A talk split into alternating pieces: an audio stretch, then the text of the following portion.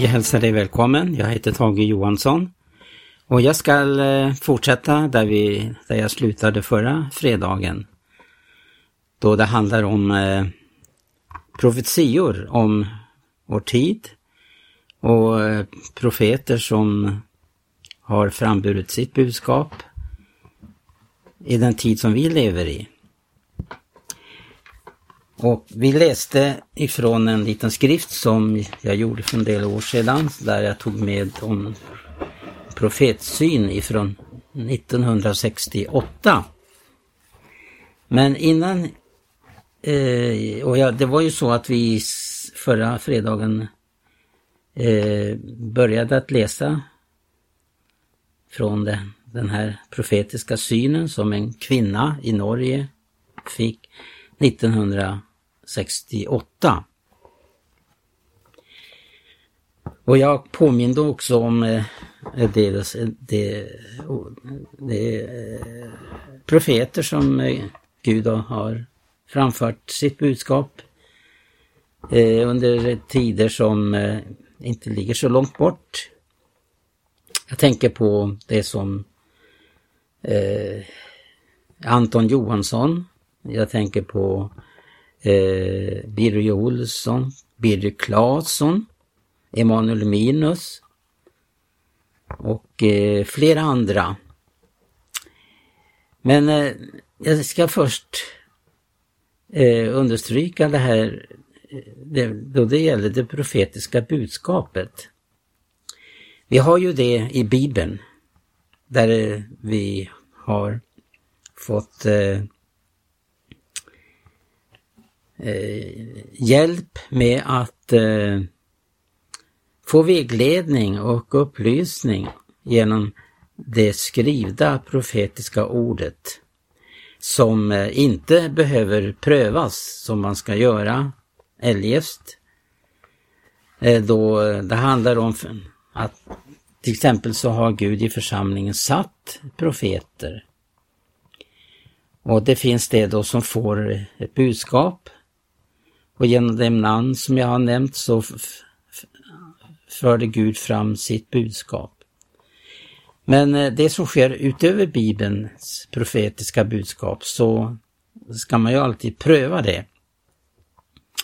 Och eh, man ska inte behålla det som är fel.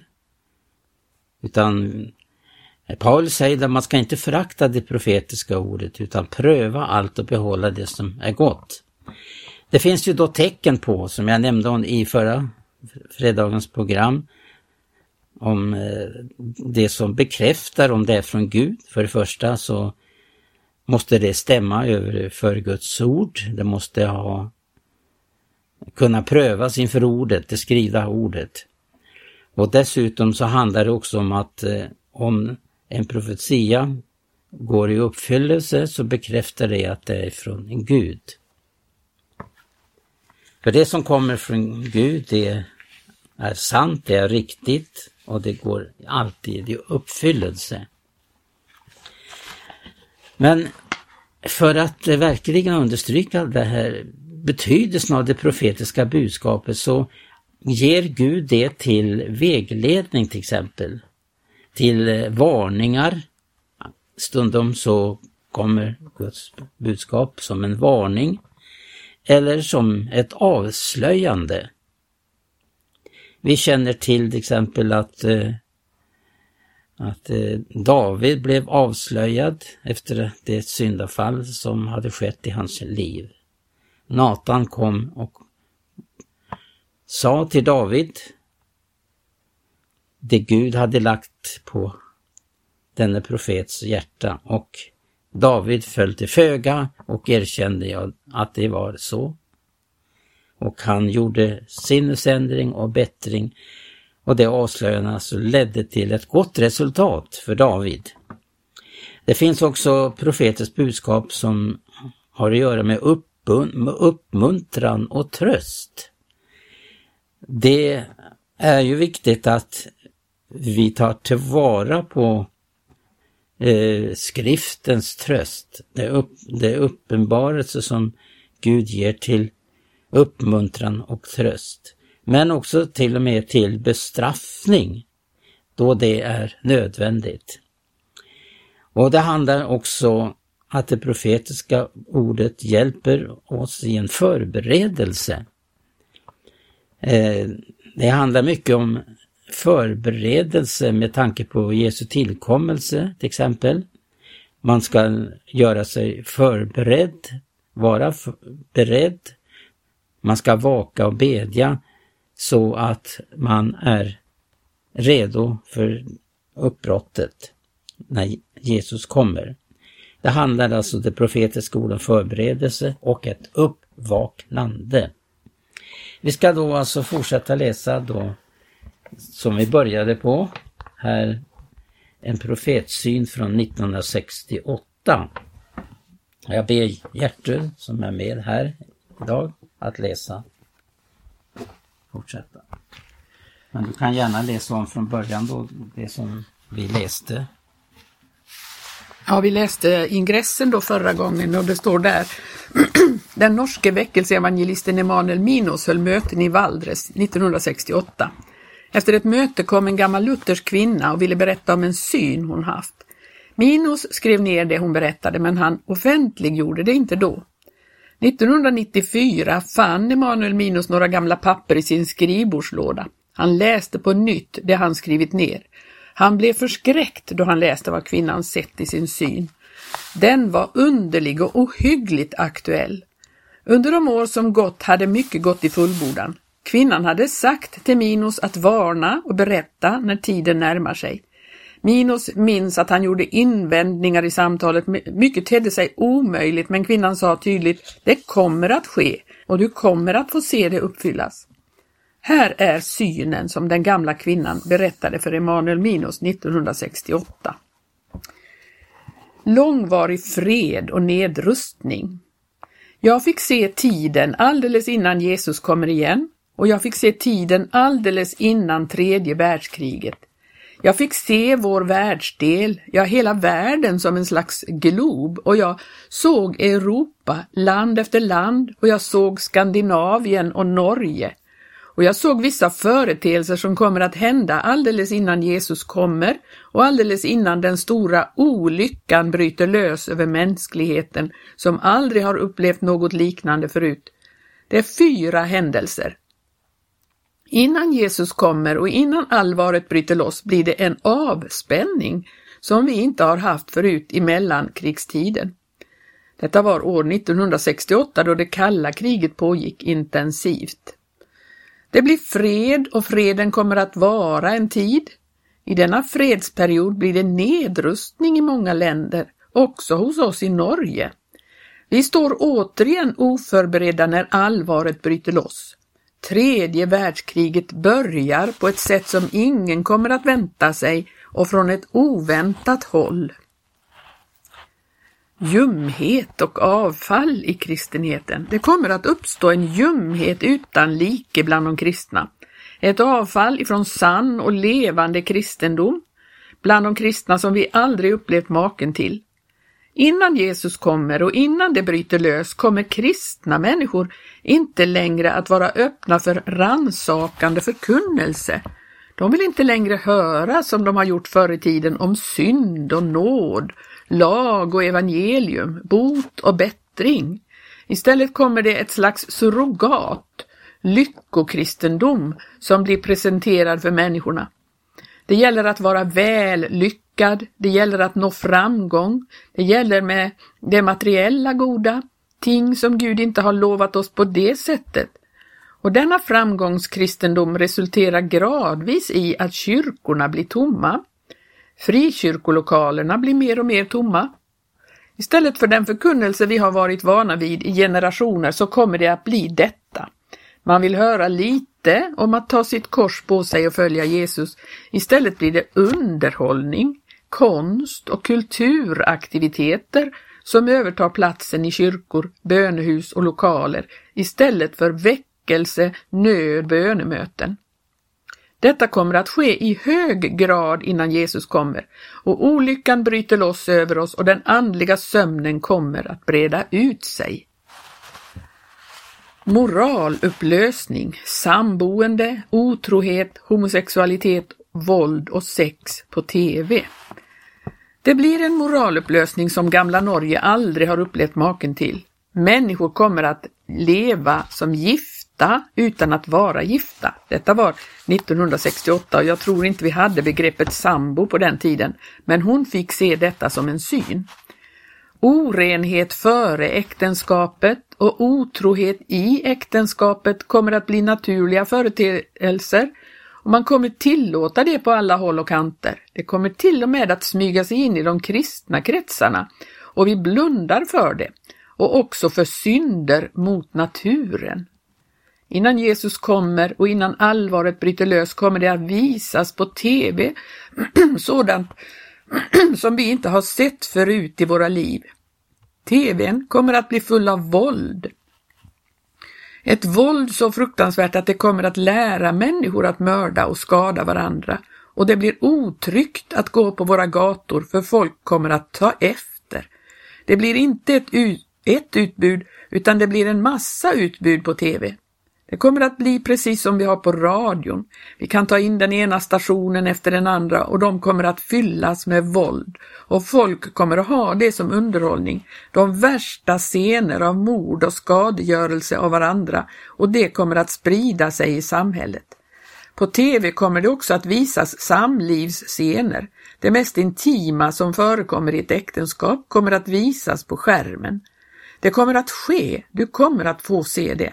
Det kommer att ske. Allt detta som vi har haft förr kommer att brytas ner och det kommer att visa det mest otroliga rakt framför våra ögon. Invandring och det tredje världskriget. Människor från fattiga länder strömmar till Europa, också till Skandinavien, också till Norge. Det blir så pass många att folk börjar tycka illa om dem och blir hårda mot dem och de blir behandlade mer och mer som judarna före kriget. Då är måttet för våra synder fullt. Då plötsligt kommer Jesus igen och tredje världskriget bryter lös. Det blir ett stort krig. Allt vad jag har upplevt av krig förut är bara lek i jämförelse med detta. Och det kommer att avslutas med atombomber och med atomkrig Luften kommer att bli förorenad helt och hållet så att det inte går att andas över hela denna kontinenten, över Amerika, Japan och Australien och de rika länderna på grund av atomkriget. Vattnet kommer att bli förstört och jorden så att den inte kan odlas mer. Resultatet blir att bara en spillra blir kvar efter det kriget och spillran i de rika länderna skall försöka fly till de fattiga länderna, men de blir lika hårda mot oss som vi har varit mot dem när tiden är inne. Jag är så glad att jag inte får uppleva det, men när detta närmar sig, ta mod till dig Minos och läs upp det och säg det, för det är Herren som har låtit mig se det. Detta är återgivet av Emanuel Minos. Ja, och i förra programmet så nämnde vi bland annat om Birger Claessons uppenbarelser. Eh, han beskriver ju att han fick se det så tydligt så att det var som att sitta att se på en stor filmduk. Och det ting som Gud visade honom kunde, man, kunde han tydligt se. Hans eh, profetior, de eh, skakade om vårt folk, verkligen. Och det gick ju som jag också vidrörde i förra programmet att det innebar en, ett uppvaknande. Men frågan är om det som nu har framburits och eh, vad som vi står inför dag, i, idag, och vi upplever att vi eh, får verkligen brottas med många allvarliga ting som sker idag i vår värld. Så är det väldigt viktigt att eh, vi låter oss varnas och väckas av dessa varningar. Därför att Gud sänder ju sitt profetiska ord för att eh, komma oss till hjälp att vi ska kunna vara förberedda. Och eh, som jag sa tidigare här nu så handlar det ju om en, framförallt en förberedelse inför Jesu tillkommelse. Att verkligen få uppleva det här att eh, vad Paulus eh, skriver till Korinterna om att eh, eh, tanke på att tiden är kort. Han skriver så här i Andra Korinthierbrevet 7 från den 29 versen. Och där står det från 1917 års översättning. Men det säger jag mina bröder, tiden är kort. Därför må här efter det som hava hustru vara så som hade det inga, och det som gråta så som grätade icke, och det som glädja sig så som gladde det sig icke, och det som köpa något så som fingo de icke behålla det, och det som bruka denna världen så som gjorde det inte något bruk av den, ty den nuvarande världsordningen går mot slut, sitt slut. Ja, genom den undervisningen så upplyste Paulus hur viktigt det var med vår förberedelse. När Birger Claesson fick uppleva den här synerna, det skedde ju redan 1951, och att eh, Sverige skulle få uppleva en invasion 53. Men han skriver i, i, en, eh, i en av sina böcker som heter Sveriges ödestimma. Så skriver han att om Guds folk söker Gud i bön och fasta så skulle Gud sätta det här på framtiden. Det var alltså 1953. Men i samband med det här uppenbarelsen så skedde det någonting märkligt i vårt land. Det blev en oerhörd nöd och förkrosselse bland, och man började söka Gud. Man började bedja i stort allvar, gjorde bättring och upplevde en, för, man kallade det för, från, i 50-talets förnyelseväckelse. Och eh, jag kan skri, eh, läsa här vad han skriver i slutet utav den här boken. Den första boken handlar ju om dom över Sverige, där han får se den här invasionen. Men i den andra boken då, eh, Sveriges ödestimma, så skriver han så här i slutet av den boken. Min vän, Gud uppenbarar inte för att skrämma. Han uppenbarar för att Guds folk skall vakna upp till förbön. Han uppenbarar för att folk ska söka Jesus till frälsning. Det kan hända att 1953 blir ett händelserikt år. Det håller jag inte för omöjligt. Men det kan samtidigt bli en nådens år med många syndare vid Golgata kors, om vi beder. Må Gud hjälpa oss till katastrofen kan avvändas. Jag menar inte att den aldrig kommer, men den kan ställas på framtiden. Vem ska ställa den på framtiden? Jo, Guds folk med sina förböner. Och det här profetiorna och denna uppmaning som han ger i det här häftet, den ledde till en djup, eh, för, djup väckelse, förnyelseväckelse som man kallar det.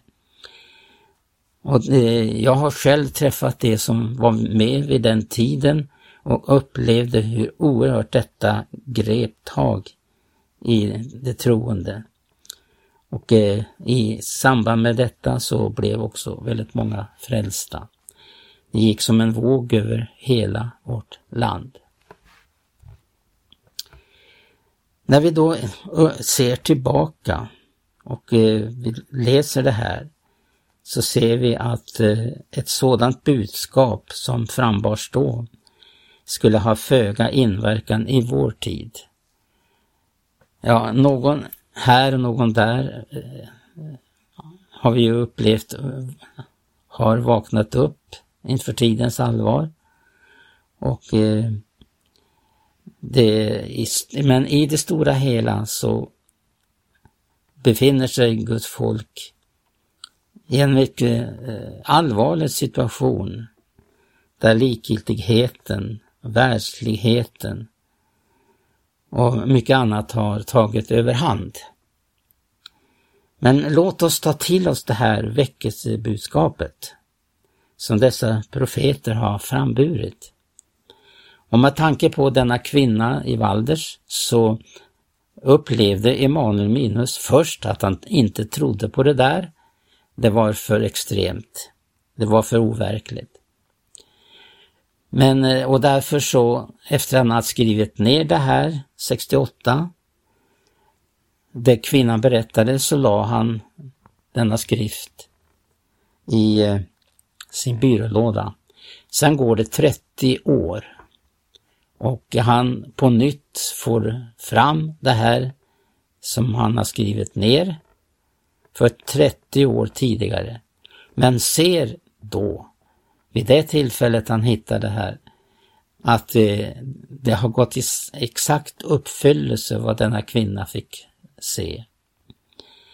Och då så upplever han eh, den här situationen att eh, det är ju faktiskt bara han, alltså Emanuel Mine, som känner till det här.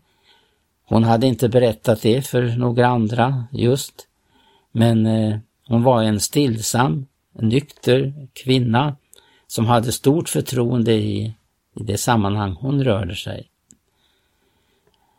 Men eh, han upplever att han står inför en, en eh, information som denna kvinna uppmanade honom att berätta om detta, varna folk. Och då så upplever han att när han står där i sin bostad med denna eh, pappret i sin hand, vad ska jag göra med det här? Så han går ner på knä och ber till Gud, vad ska jag göra? Gud talar tydligt till honom att om du undanhåller detta så kommer blod att krävas från din hand. Och efter det så kommer då denne gudsman och profet Emanuel Minus att förmedla detta vid varje tillfälle kan jag säga. Så gott som varje tillfälle då han predikar så börjar han med att förmedla denna uppenbarelse till väckelse och förnyelse. Må vi ta tillvara det här för att eh, vi inte går med eh, oro och förskräckelse utan att vi har ett levande hopp om allting är klart med både Gud och människor så upplever vi också att vi har en levande kontakt med Herren Jesus och att vi är redo att möta honom när han kommer. Allt talar för att vi står nu så oerhört nära Jesu tillkommelse. Det har Bibeln talat om också, vad det innebär att eh, det, hur det ska vara här på jorden när Jesus kommer tillbaka. Och då likställer Jesus den här tiden med Noas tid och med Lots tid. Detta kombinerat så är det som ska råda när Jesus kommer. Men må vi vara utanför lägret och bära hans märlek. Gud välsigna dig på återhörande.